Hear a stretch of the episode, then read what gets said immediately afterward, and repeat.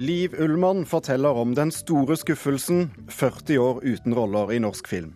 Det syns jeg var dumt av dem. I alle disse årene, inntil to nylig hvor jeg har gjort eh, små roller, ikke et filmtilbud. Høstutstillingen er mindre sprikende og spekulativ enn før. Den er rett og slett interessant for vanlige folk i år, sier vår anmelder. Og kultur er helt fraværende i den svenske valgkampen. Kulturpolitikken blir omtrent den samme med rød-grønn som med blå regjering, tror kommentatorer.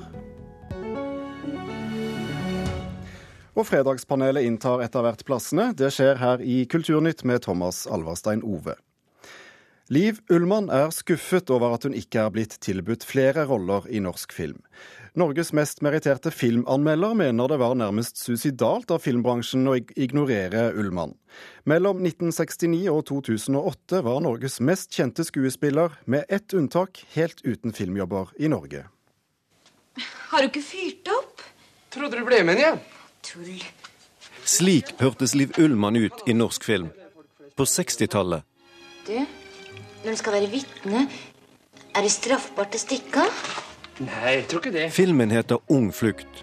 Med unntak av én liten rolle i Drømspill i 1994 fikk ikke Liv Ullmann én eneste rolle i norske filmer gjennom 70-tallet, 80-tallet, 90-tallet, ja helt frem til 2008. Det er bortimot 40 år. Det syns jeg var dumt av dem. Det er at de ikke brukte meg som skuespillerinne. Jeg var jo så ung. Jeg var jo liksom 27 år. Dette er noe Liv Ullmann sjelden har delt med offentligheten. Det at gjennom hele hennes hovedperiode som skuespiller ble hun neglisjert i Norge. Og ikke fått et filmtilbud i alle disse årene, inntil to nylig hvor jeg har gjort eh, små roller. Ikke et filmtilbud som aktris. Det forstår jeg ikke, og det var kjempedumt. Dumt, sier Ullmann, og hun ønsker egentlig ikke å snakke om det. Norges mest meritterte aktive filmkritiker Per Haddal bruker mye sterkere ord. Jeg synes jo det er skandaløst, rett og slett. Nå er jo Liv Ullmann uh, vår største filmpersonlighet. Haddal, som begynte som filmkritiker på 60-tallet, fikk se at Liv Ullmann fikk Norges største internasjonale skuespillerkarriere. Hun spilte for regissører som Ingmar Bergman og Richard Attenborough, ble nominert to ganger til Oscar og spilte i godt over 50 filmer. Men i Norge dukket hun kun opp som en vits. Ja, det er jo en forskjell, da, men det er jo fordi at de kanskje ikke har visst det her i Norge. Mye av det som jeg har gjort ute, for det var jo den tiden hvor jeg var en slags vits også, sånn parodivits. Hvor jeg faktisk gjorde mye, også av interesse og sånn. Men i utlandet har Ullmann alltid trukket til seg store stjerner som gjerne vil jobbe med henne. I dag har hun, som regissør, norgespremiere på filmen Frøken Julie, med stjerne Jessica Chastain, Colin Farrell og Samantha Morton i rollene. Kom, dans med meg igjen. I don't want to be impolite, but I have Jan Erik Holst, mangeårig direktør for Norsk Filminstitutt, og en av dem som har vært mest sentrale i norsk filmbransje de siste tiårene. Jeg kan godt si at hun ligger på linje med Clint Eastwood eller John Wayne eller uh, Al Pacino eller Hans forklaring på hvorfor norske filmregissører ikke brukte Norges desidert største skuespiller, er denne. Ja, altså jeg tror at det ikke ble skrevet noen uh, filmer som passet henne i perioden uh, i hvert fall 1970 til 1985. Men du vet, vi ler jo av klovner når de er morsomme, men av og til så ler vi av dem når de er stygge. Også. Et selvmord av norsk filmbransje. Slik beskriver Haddal det. Lett suicidal uh, fremferd. At man ikke, ikke tar vare på å videreutvikle det man virkelig har som, som, er ubestridelig godt. Og nå er det slutt, for Liv Ullmann forteller til NRK at hun ikke kommer til å spille lenger. Til det mener 76-åringen at hun har blitt for gammel. Men det har jo ikke plaget meg sånn. Ikke hva jeg vet, det har det sikkert gjort. Det må jo det, du har jo fortalt ja. meg at du liker å bli likt. Ja, selvfølgelig. Men der hører du Ja, det gjør ingenting, sier jeg da. Og det, det er klart at det gjorde noen ting.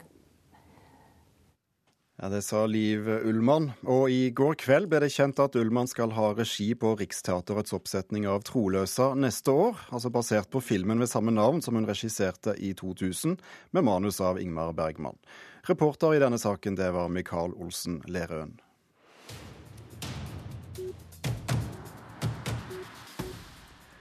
Det skjer mye spennende på kunstfronten denne helgen. Først om høstutstillingen. Den 100 27. i rekken åpner i morgen på Kunstnernes hus i Oslo. Juryen har i år valgt å skape en mer helhetlig utstilling. Tidligere har mange kritisert høstutstillingen for å være både sprikende og spekulativ. Kunstanmelder Mona Gjessing, eh, hva gjør det med utstillingen at den ikke fremstår slik i år? Ja, altså Den har jo et veldig helhetlig preg, som du sier, og den er overhodet ikke skvaldrete i det hele tatt. Den er veldig rolig, den er veldig godt kuratert og har en uh, ryddighet som på en måte smitter over på publikum, sånn at man blir overhodet ikke sliten på årets høstutstilling. Man får god tid til å se på hvert verk, og det er veldig ryddig presentert og veldig flott uh, høstutstilling i år. Er det en rød tråd i utstillingen, et slags tema som går igjen? Ja, det er absolutt en rød tråd. Det er mange av arbeidene som har uh, religiøse eller metafysiske konnotasjoner. De er mye mer innadvendte og introspektive enn det de har vært eh, tidligere, sånn helhetlig sett. Og det er ofte det håndverksmessig solide arbeidet som dominerer på utstillingen. Altså Det er ikke sånn at det politiske er helt fraværende, men sånne direkte politiske uttrykk de er i mindretall på årets utstilling. Eh, sakralt har vært et stikkord noen har nevnt. Ja, det er eh, som sagt eh, Det er flere, mange av arbeidene som egentlig åpner for, eh, for, det religiøse på en eller annen måte. Ikke sånn helt direkte, men det mer enn antydes at det er en interesse for den type problemstillinger. Du har selv vært med på å plukke ut vinneren av Høstutstillingsprisen i år. Den gikk til Svein Møksvold. Hva er det som gjør hans verk til utstillingens beste? Du, Det er et arbeid som eh, egentlig slår rett inn, uttrykket i det arbeidet. Og det er veldig gripende. Så det, det hvis det går an å si sånn, det, går, det skårer på inderlighet. Det er noe som går rett hjertet på publikum. Skal vi greie å prøve å få det litt kort? Dette er en gjenskaping av et fotografi fra 1943? Ja, på et vis. Er, ja, skal prøve å forklare det kort. fordi det er eh, den filmen som vises, som han vinner for på, denne, på, på høstutstillingen i år, den det var egentlig aldri tenkt som noen kunstfilm, det var en dokumentasjon av et annet prosjekt han hadde. Men det skjer noe i denne filmatisering med skuespillerne som eh, rett og slett er veldig oppsiktsvekkende flott. Eh, Så det som skulle være dokumentasjon av et kunstverk, blir i seg selv kunst? Det blir i seg selv et veldig fint kunstverk, ja. Hvilke andre verk bør vi nevne? Ehm, jeg syns at Lotte Konow Lunds tegninger, som er presentert rett fra skisseblokka i sånne montre som hun ofte presenterer de, er veldig gode. Og for meg var det overraskende flotte arbeidet, fordi hun var mye, mye skal si, eh, ærligere, går det an å si det. Jeg skal ikke si at hun ikke har vært ærlig før, men jeg synes det var veldig, hun viser mange såre sider av veldig sånn relevant tematikk. Man tenker at oi, her har hun virkelig ønsket å tilby noe veldig, veldig ordentlig. Det gjorde, det gjorde inntrykk. Og så er det jo en eh, veldig bisarr sånn leiranimasjon der eh, som heter 'Let there be light', som handler om både religion og politikk og et sammensurium av veldig mange ting, men som er veldig morsomt laget. Og en del flotte tekstilarbeider er det der også. Høstutstillingen har kanskje ofte vært litt for spesielt interesserte. Er det mer for vanlige folk nå? Ja, jeg vil si at det er eh, absolutt for vanlige folk. Jeg tror at dette er en utstilling som kan vekke større interesse for samtidskunsten, fordi den nettopp ikke er så bombarderende, men lar det være et rom i hver enkelt til å få oppleve noe. Tusen takk skal du ha, Mona Gjessing. Vi skal videre fra høstutstillingen til Nasjonalmuseet, som åpner utstillingen An Appetite for Painting ved Museet for samtidskunst i kveld. Utstillingen spør om maleriet er på vei tilbake i samtidskunsten, og har maleriet i det hele tatt vært borte. Wall Street Journal anbefaler den allerede før åpningen, og dette er en utstilling eh, Mona Palle Bjerke har sett på, kunstkritiker her i, i, NRK. En appetitt for maleri, hva slags utstilling er det? Jo, dette er en utstilling som stiller seg inn i rekken av utstillinger som tar for seg et, et, enkelt kunstnerisk medium. Vi har hatt installasjon, det har vært uh, video, og det har vært tegning. altså Turen er kommet til maleri. Og dette er maleri da fra 2000 uh, og frem til 2014. Men faktisk majoriteten av arbeidene er fra de tre-fire siste årene. Det er både store norske og internasjonale navn på utstillingen. Hva konkret får vi se? Jo, her kan vi vandre fra den sørafrikansk-hollandske Malene Dumas skrekkgalleri av blindt stirrende, maskelignende ansikter med eh, tomme øyenhuler, eh, i en ganske krapp overgang til norske Mari Slåttelis florlette og sanselige malerier. Slåttli har laget, blant annet laget bilder der hun har tatt utgangspunkt i den italienske rokokko maleren Tiepolo og har hentet ut en form fra et takmaleri som hun forvandler til eh, virkelig stemningsladde, som dunkle skumringslandskaper. Eh, som det ser ut som skogkledde åser som speiler seg i et helt sånn blikkstille vann. Andre verk du vil fremheve? Jo, En annen av våre aller største navn innenfor maleriet, Olav Kristoffer Jensen, er representert med flere utrolig flotte bilder som mange vil kjenne. Her har han da f.eks. tatt tak i fargen grønn. Ser det ut som at han er sånn han har tenkt. At han har begynt å jobbe liksom i sånne sirkelformede bevegelser. Jobbet mer og mer hvitt inn i malingen. Og til slutt så er hele maleriet da bare et virvar av lodne streker og linjer. Og det ser ut som en stor taukveil som har ligget på havets bunn og blitt helt sånn tilgrodd av eh, tang. Og dette er et sånt maleri som man kan sitte bare og se på i timevis. Og det er mange av den typen malerier i utstillingen. Du har jo tidligere eh, vært eh, ganske kritisk til dette utstillingsgrepet med å fokusere på et enkelt kunstnerisk medium. Eh, men lykkes det bedre denne gangen, syns du? Ja, det syns jeg definitivt. Og det tror jeg handler om at de denne gangen ikke lar bare den tomme mediekategorien, maleri, være tematikken. Da, tematikken blir mye mer spørsmålet hva kan maleri være i dag?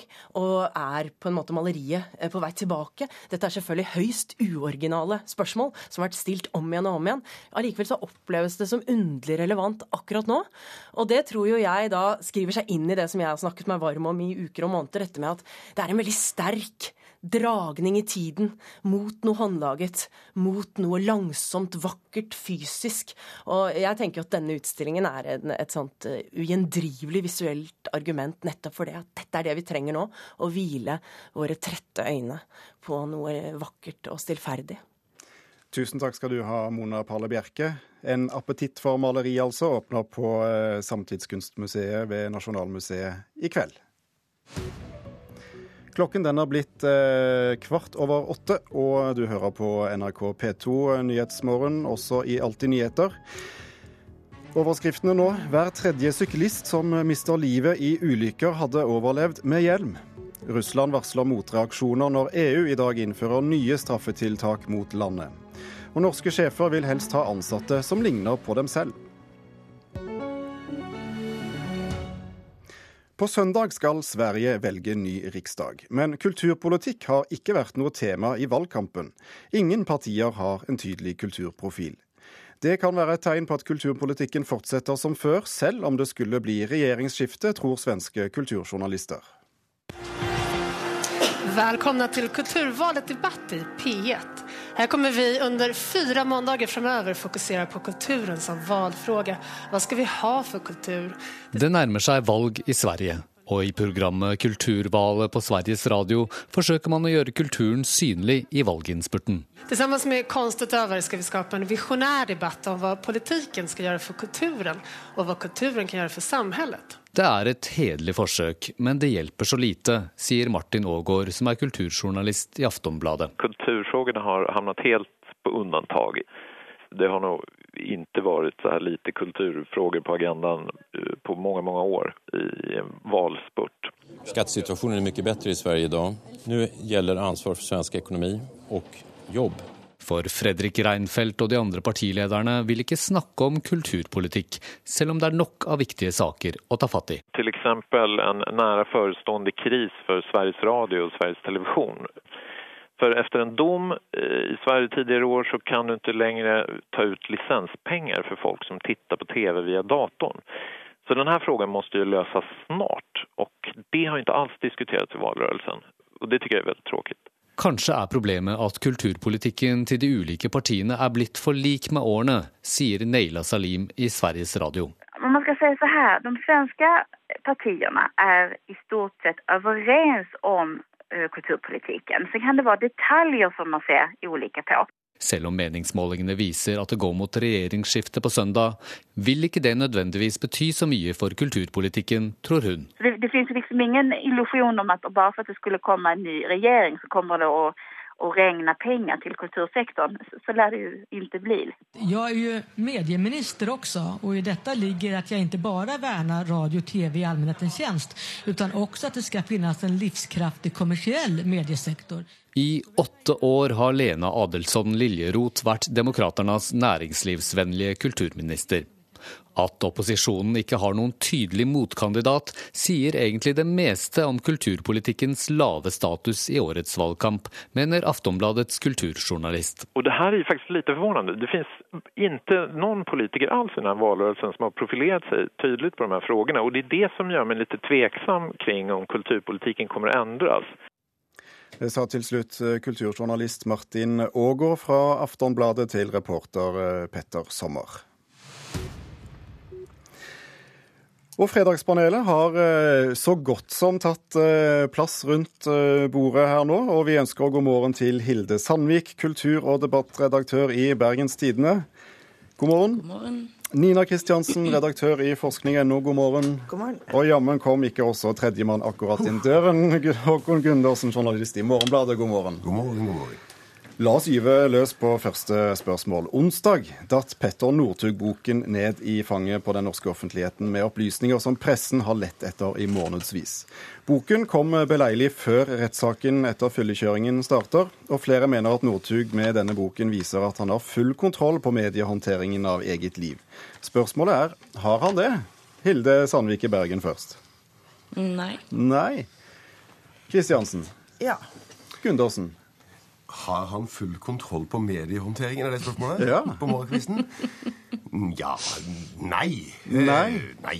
Vi, er, vi kan jo si hva vi vil. Ja, la oss begynne med ja, da, fra forskeren her. Jeg blir jo litt sånn Forskerne er jo Jeg tror ikke dette her er forsket på ennå. Jeg er i hvert fall ikke en forsker, men Den forskninga trenger vi ikke, Nina Kristiansen. ja, den kommer til å komme. Nei, altså den Forskninga på Northug eh, kommer til å komme. Gjespa. Men, men eh, jeg tenker det at når det er så lite kreativitet hos norske journalister, at de liksom kjører samme vinklinga og samme Du kan nesten lese den samme artikkelen om den boka i avisen. så har han i hvert fall lykkes i første omgang, da.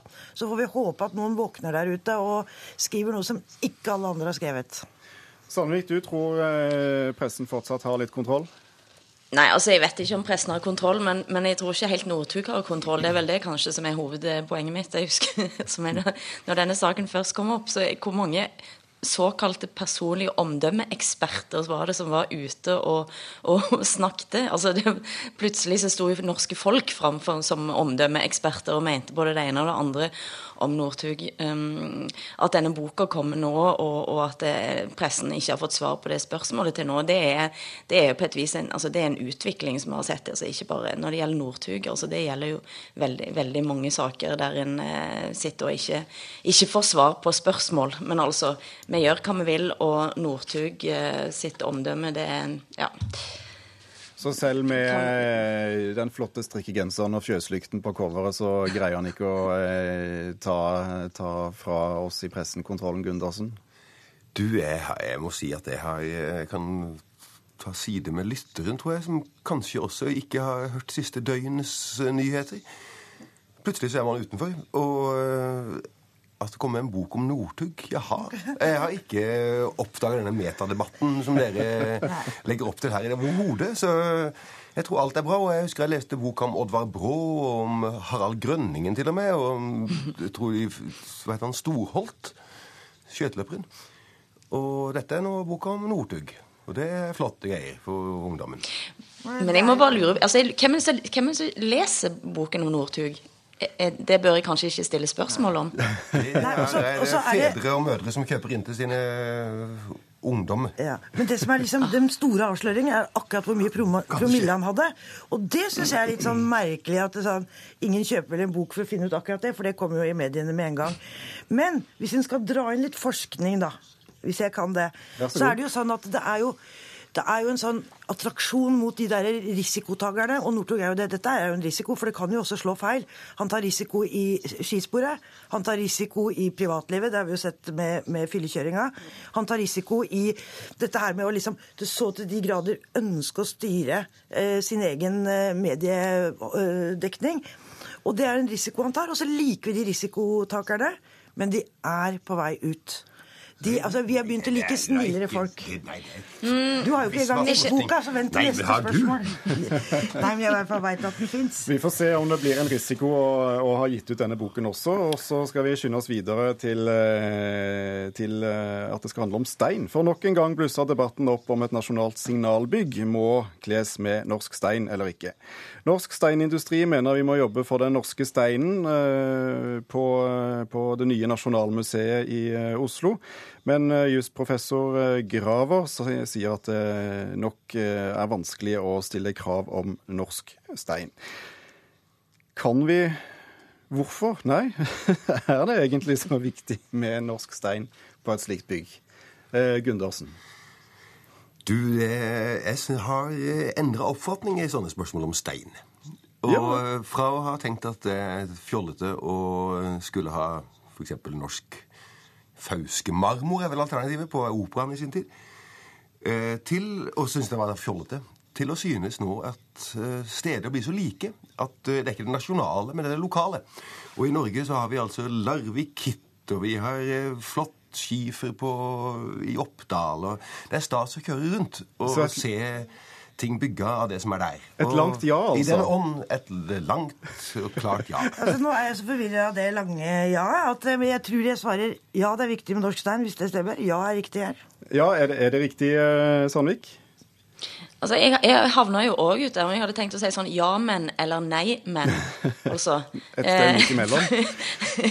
nei, men altså er, Og jeg, jeg, jeg, følger Gundersen, og så er det òg noe med altså, det spørsmålet her, for det, i utgangspunktet så kan det høres så veldig ja, rett og slett fjollete ut. Er det nødvendig med norsk stein? Altså er ikke vi en steinrøys eh, i utgangspunktet? Eh, men, men, så er det jo òg noe med det at her, det, her diskuterer en jo ikke bare om det er norsk, altså om det, om det ligger en sånn nasjonalisme en sånn sniknasjonalisme i et sånt spørsmål. Men det handler f.eks. om kvalitet. Eh, men det handler òg om, om, eh, lys og, og, og hvordan eh, landskapet er, og hva vi ser rundt oss. Altså, det har veldig mange andre aspekter med seg enn om det er akkurat akkurat her innenfor denne grensen at det finnes dette fjellet eller hva det måtte være, mineralet.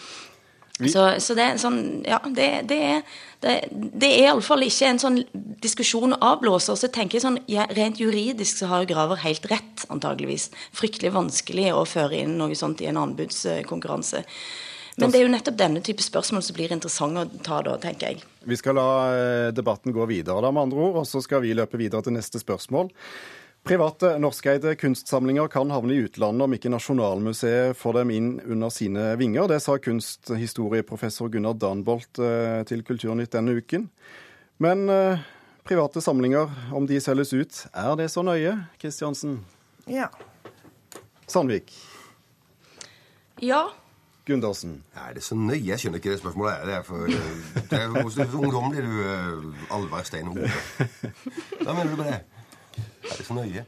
Ja, vi kan se på uh, Stein Erik Hagens uh, samling i uh, et flott museum i Paris. Men, men jeg synes jo også dette her er, Apropos Northug, så er jo dette her også en professor, nei, en, en kunsthistoriker som liksom bruker nå det, det nye nasjonalbygget til å gjøre noe, til å si noe og prøve å få til noe som han har ment veldig lenge. Ikke sant? Han syns at den norske offentligheten er for dårlig i forhold til private samlinger. Og så slår han litt på stortromma, og så sier han og nå bygget kommer jo til å bli tomt, det kommer jo til å bli tomme saler, det blir jo så stusslig.